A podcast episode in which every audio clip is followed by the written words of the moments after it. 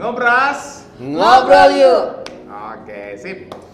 Jadi di konten sebelumnya, di video sebelumnya kita sempat menyinggung mengenai warisan. Nah, kali ini kita akan membahas lebih dalam mengenai warisan-warisan itu. Kita akan bercerita seperti biasa ada Bro Yung sekaligus beliau adalah certified dari AIPP atau AEPP ya, Associate Estate, Estate Planning Practitioner. Practitioner ya dan di sebelah kita ada Diva Lenggo. Iya, ada Diva Lenggo yang sekarang Hmm. sedang eh, mengurus atau membantu nasabahnya dalam eh, warisan ya. Iya. Nah, tepat banget nih narasumber kita hari ini ya. Nah, berbicara mengenai waris ya, eh, ada mengenai persepsi dan realitas. Oke. Jadi kata orang ya, hukum waris itu eh, jelas. Oke, hukum waris katanya jelas. Yang ada di Indonesia nih ya. Pasangan atau anak itu pasti ahli waris. Ya kata pastinya saya garis bawah ini eh, 100% harta waris pasti dan langsung menjadi milik pasangan dan anak katanya. Ya itu katanya surat wasiat dari notaris pasti bisa dilaksanakan jadi kalau sudah ada surat wasiatnya dari notaris itu sudah pasti tuh sudah tidak ada bisa menggugat katanya ya pasangan atau anak bisa langsung mengambil uang milik pewaris di bank. Jadi contoh nih, eh, si punya rekening ini meninggal, si anak si, si, si istri katanya bisa langsung dijatuhkan sebagai ahli waris nih. Jadi dia bisa langsung ambil di bank katanya. Ternyata itu belum tentu ya. Tidak ada biaya dan pajak. Tidak ada biaya atau pajak ya. Harapannya keluarga tetap harmonis di setiap orang yang memberikan warisan kepada keluarganya. Ya, nah, kata pasti yang dari tadi saya katakan itu merupakan persepsi.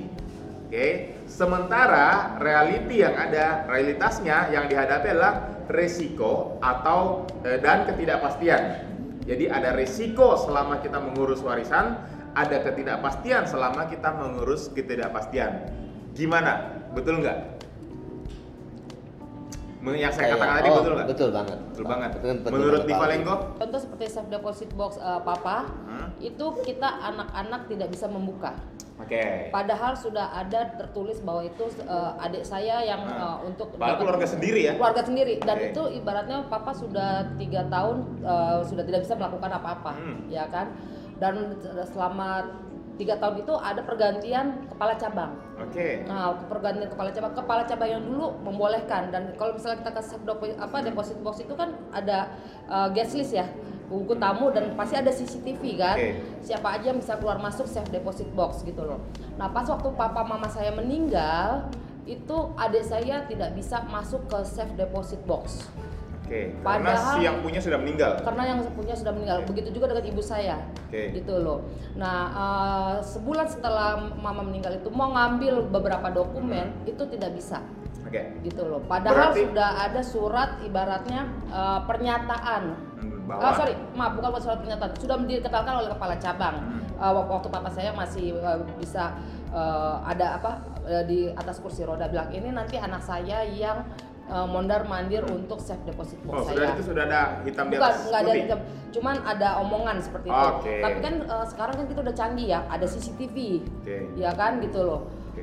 Karena safe deposit box pasti itu kan ada itu pun dipersulit. Oke, sampai di sini yang saya tangkap adalah di bank punya peraturan sendiri, Iya.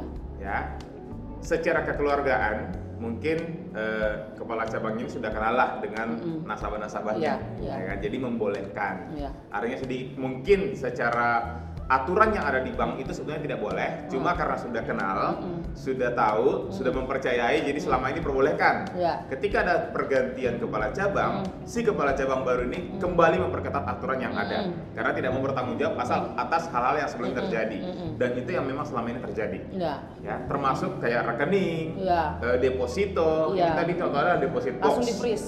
ya semuanya akan di freeze, Ya. yang artinya si yang harusnya menjadi ahli waris itu belum berhak menjadi Ya. ahli waris seutuhnya. Iya. Betul. Oke, sip. Jadi ini nih harta, hutang, eh, bisnis, ya kekayaan, apa pun itu bentuknya, itu kan semua akan menjadi warisan, Iya.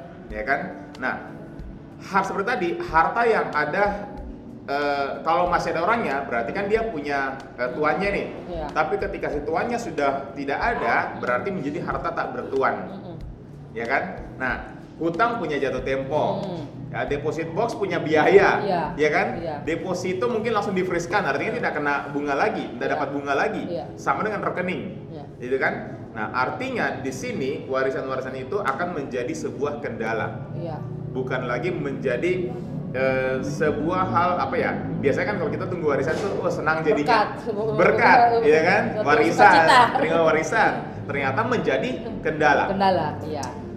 secara eh, dari brother Yung, bro Yung, bukan brother kalau di sini ya bro, bro and diva. Oh. Payung deh biar gampang. Iya. Ya, Payung sebagai AFPP certified yang sudah belajar eh, mengenai hukum waris ini. Sudut pandang Pak Yung menghadapi warisan yang ada eh, di Indonesia ini. Contoh kasus yang kayak tadi itu. Ya itu benar banget karena kejadian yang sama saya alami ketika orang tua saya nggak ada. Nah, Di mana rekening waktu itu mama nggak ada, rekeningnya Hmm. jadi dormant.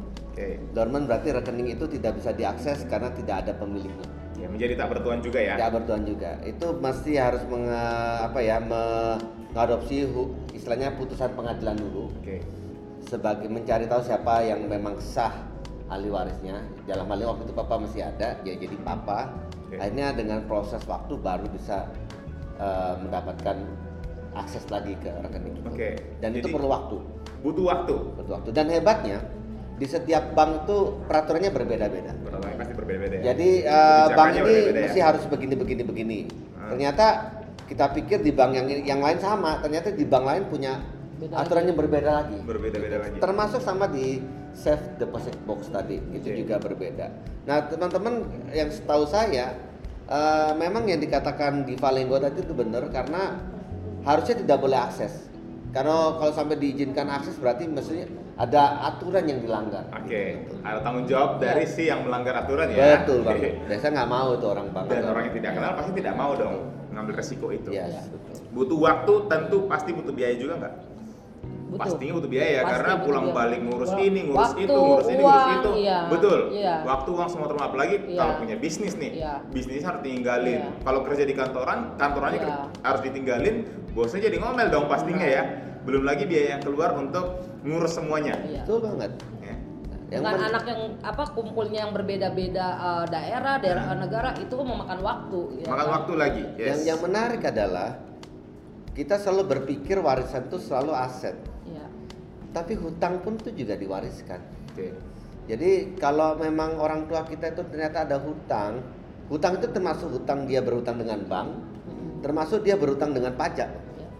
Jadi kalau ada hutang pajak yang belum terselesaikan, misalkan dia punya rumah dan ternyata ada PBB-nya belum terbayarkan, itu termasuk hutang. Itu jadi utang Harus yang dibereskan harus dilunasi. dulu. Betul. Harus dibereskan dulu Jadi, ya.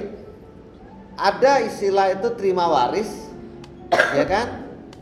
Termasuk utangnya. Jadi kalau orang Baik. tidak mau terima mau mau terima waris aja tapi utang dari yang meninggal itu kita nggak terima itu nggak bisa. Nggak bisa. Jadi itu satu paket.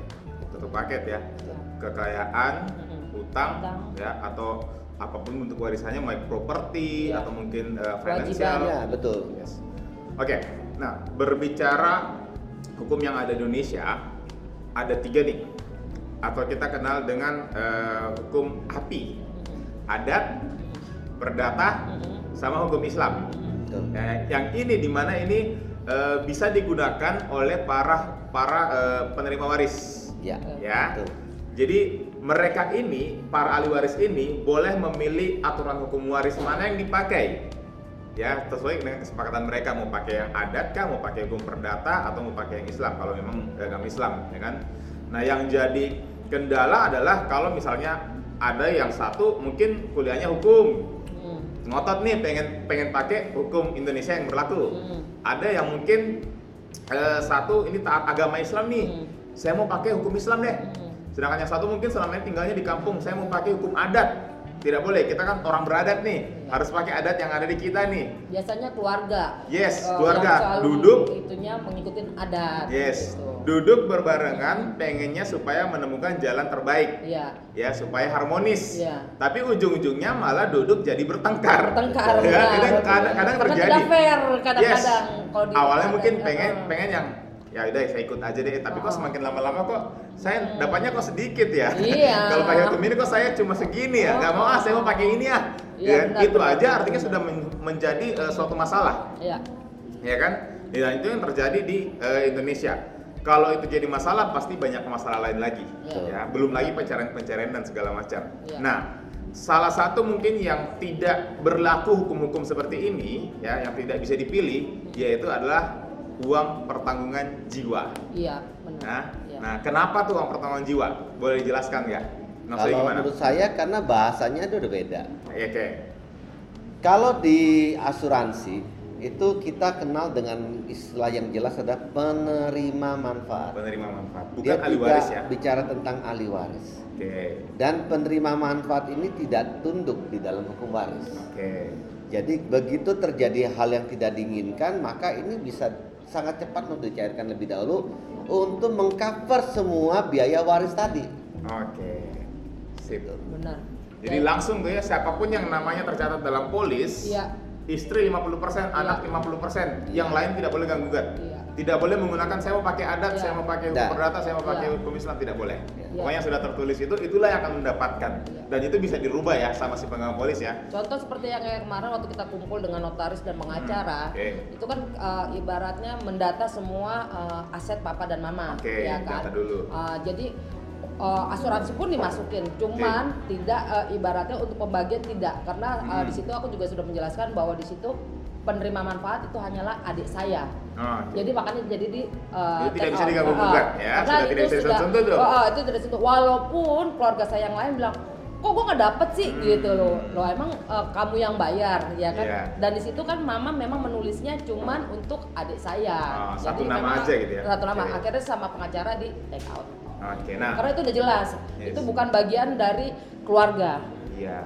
Jadi tipsnya teman-teman yang mungkin punya warisan sudah banyak nih, tapi agar tidak terjadi misalnya hal-hal yang di- tidak diinginkan nih, yang kita pengen keluarga kita, ahli waris kita semua harmonis, ya tapi ujungnya jadi bertengkar takutnya, maka bagilah warisan uang pertanggungan itu dari awal sejak dini konsultasikan dengan kita kita di sini. Iya. Ya, jadi supaya bisa diatur dengan eh, rapi, nih, Rapi. diatur dengan seimbang nih, ya. Gitu. biar orang tua bekerja eh, apa capek-capek biar anaknya menerimanya dengan sukacita Yes. bukan dengan bertengkar gitu Ya, dan yang menarik sekali di dalam karier saya di bicara waris Indonesia ini eh, kesepakatannya adalah tidak sepakat Yes. dan itu benar jadi kalau waris itu misalkan salah satu ngotot misalkan contoh ya tadi kan mengenal tiga hukumnya Pak Aldi Yes. ada hukum Bro Aldi ya ada hukum perada perdata ada hukum muslim ya Islam Islam, ada hukum adat. adat mereka berhak untuk menentukan Yes. jadi kalau keluarga ini tidak sepakat men- menyelesaikan di hukum yang mana ujungnya akan jadi masalah Akan jadi masalah. yang jadi masalah adalah kalau bisa selesainya tiga hari Iya. bisa selesainya tiga tahun Iya. bisa Bisa selesainya lebih. 30 tahun Iya.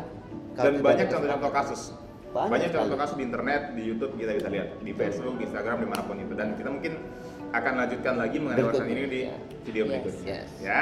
Oke Oke. mungkin ini pengantar kita untuk hukum waris. Kita akan lanjut lagi di video berikutnya. Sampai ketemu di ngobras. Ngobrol yuk Yuk.